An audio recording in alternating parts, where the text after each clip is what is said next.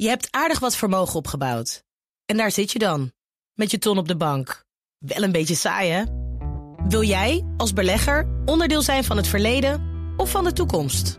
Bridgefund is een slimme fintech die een brug slaat tussen de financiële behoeften van ondernemers en van beleggers.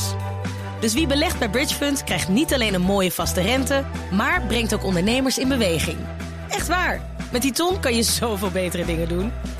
Bridgefund. Make money smile. Vier over half zes, tijd voor.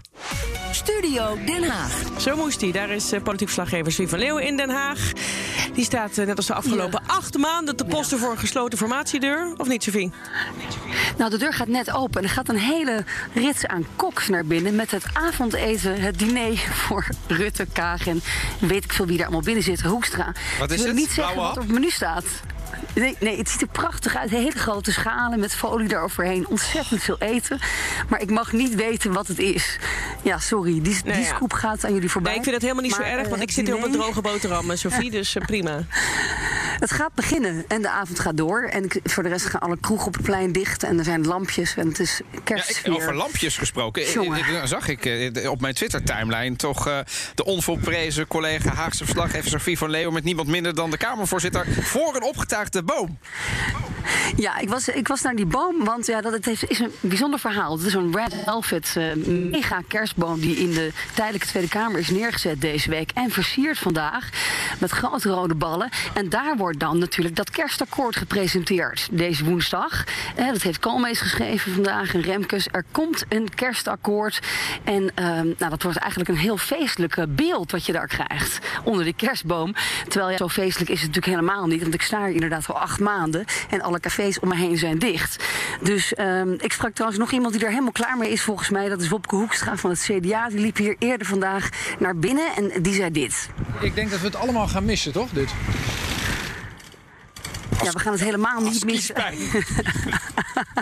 we gaan het niet missen. Gelukkig sneeuwt dat nog niet. En eh, ja, Rutte die, eh, moest eigenlijk nog een beetje napraten. Vooral over Max Verstappen. Dat hebben ze blijkbaar gisteren in het katshuis... hebben ze daar naar zitten kijken.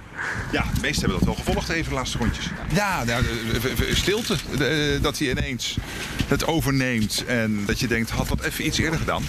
Dat had wel geschild. Eh, ik zeg niks over gemaakt. Nee, pas als het klaar is, zeg ik iets. Ik zeg daar nooit wat over. Hi.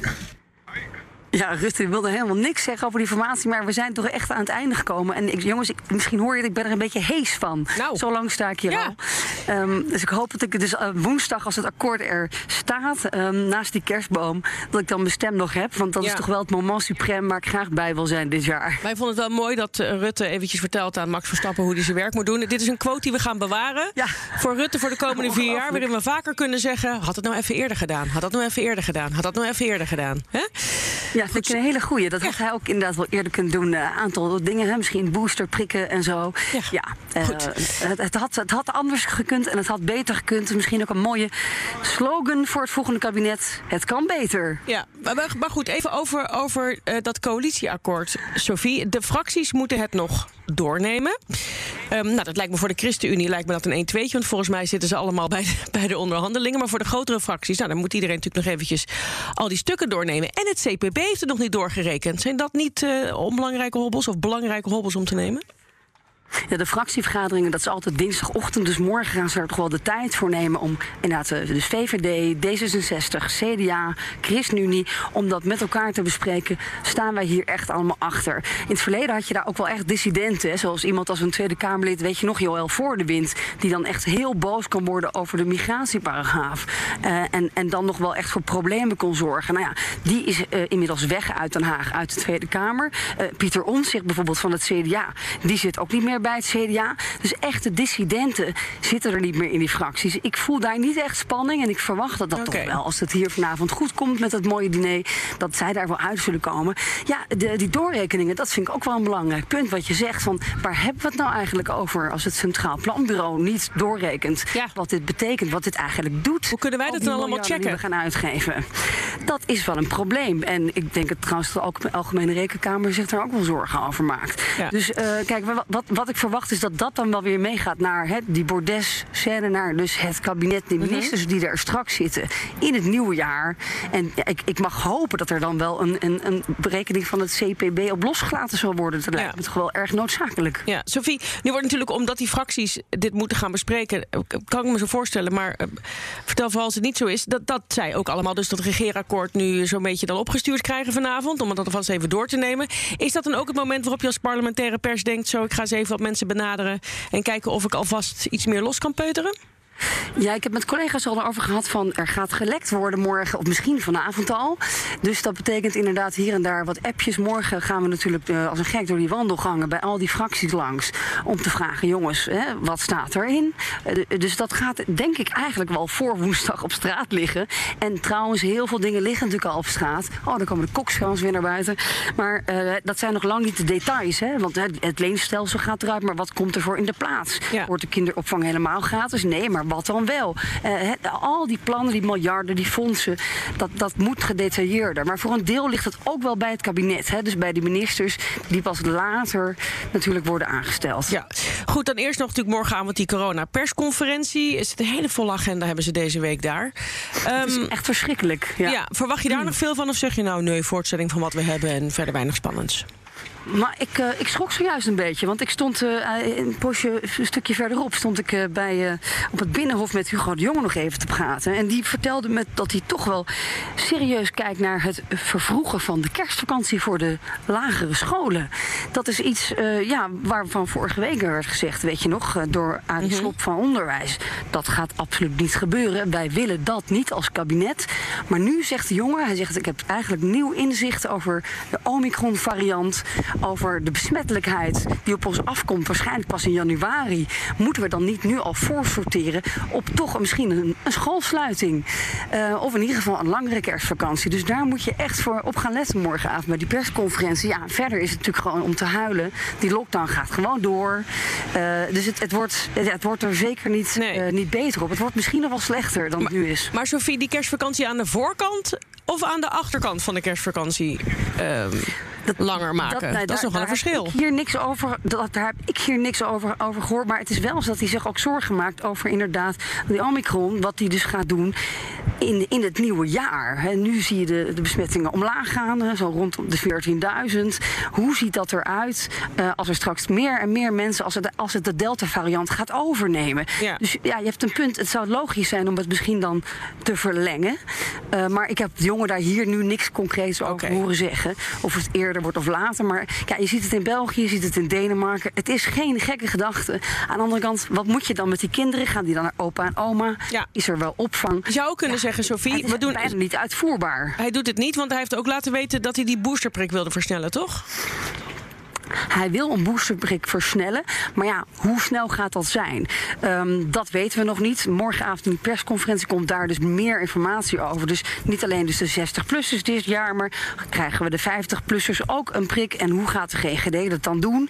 Uh, daar heeft hij over gesproken. En um, luister even wat hij net zei. De meeste zorg hebben we toch over die Omicron-variant. Waar we nog heel veel niet van weten. Maar wat we er wel van weten is, uh, is niet geruststellend. En dat betekent dat we uh, de boosterprik gaan versnellen. We zien dat dat werkt. Uh, dat die Omicron-variant zich wel wat aantrekt van die derde prik. Nou, laten we die dan ook zo snel mogelijk zetten. We hadden die versnelling al gerealiseerd. De 60ers die worden morgen al uitgenodigd.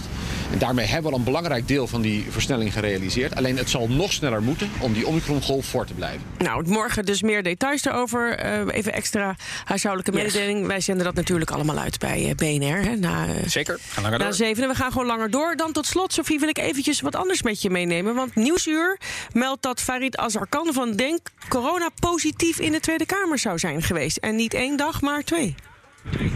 Ja, dat was wel even schrikken. Um, ja, zij melden, dat blijkt uit uh, intern appjes, dat dat is gebeurd, weet je nog, toen Ollongren, toen dit allemaal begon, hè, deze, deze -hmm. politieke ellende, uh, de minister van Binnenlandse Zaken corona had, hè, de foto, fotofunctie elders.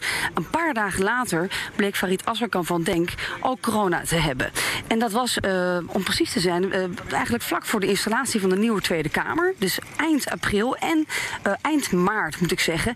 En de, de eerste dag van april april het grote Rutte-debat, de nacht van Rutte. Waarbij iedereen dacht: gaat die man aftreden? Is het klaar met het tijdperk Rutte? Asserkan wilde dat moment absoluut niet missen. Maar hij was op dat moment positief getest op corona al drie dagen. En hij heeft gedacht: ja, zwa, daar, dat, ja, dat vind ik echt te belangrijk. Maar hij ging Of- dus- ik weet niet wat hij dacht. Hij ging dus En die is daarheen gegaan. Ja, zij ging dus naar de installatie van de Tweede Kamer. En hij ging de volgende dag ging hij dus nog naar het debat. Wat betekent het nou politiek voor Farid Azarkan? Want dit is, dit is wel gewoon eh, enorm de coronaregels overtreden, zal ik maar zeggen. Ja, nou, ik, heb het, ik, kwam dus net de voorzitter tegen bij de kerstboom van de Tweede Kamer. En ik heb gevraagd van, goh, heeft die meneer Asserkan al gesproken?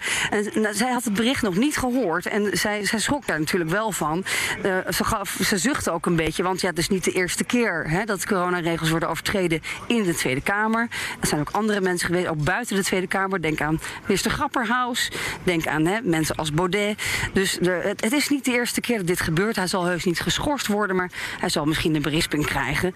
Eh, verder is rommelt het ook wel binnen zijn eigen partij. Dus misschien zijn er mensen die hem daar proberen te lynchen. Dat weet ik niet. Maar ja, iemand heeft Maar, die appjes aan ehm, Nieuwsuur gegeven, toch? Zou je zeggen. Ja, en hij is het zelf Ja, niet. ja.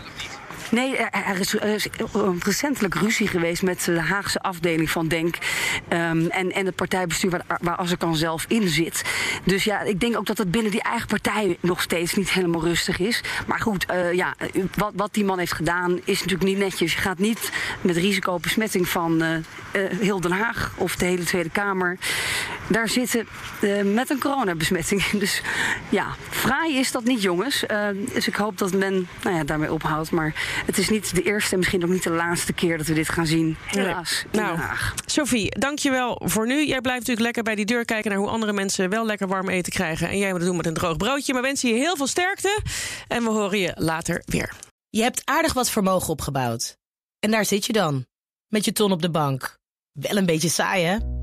Wil jij, als belegger, onderdeel zijn van het verleden of van de toekomst? Bridgefund is een slimme fintech die een brug slaat tussen de financiële behoeften van ondernemers en van beleggers. Dus wie belegt bij Bridgefund krijgt niet alleen een mooie vaste rente, maar brengt ook ondernemers in beweging. Echt waar, met die ton kan je zoveel betere dingen doen. Bridgefund. Make money smile.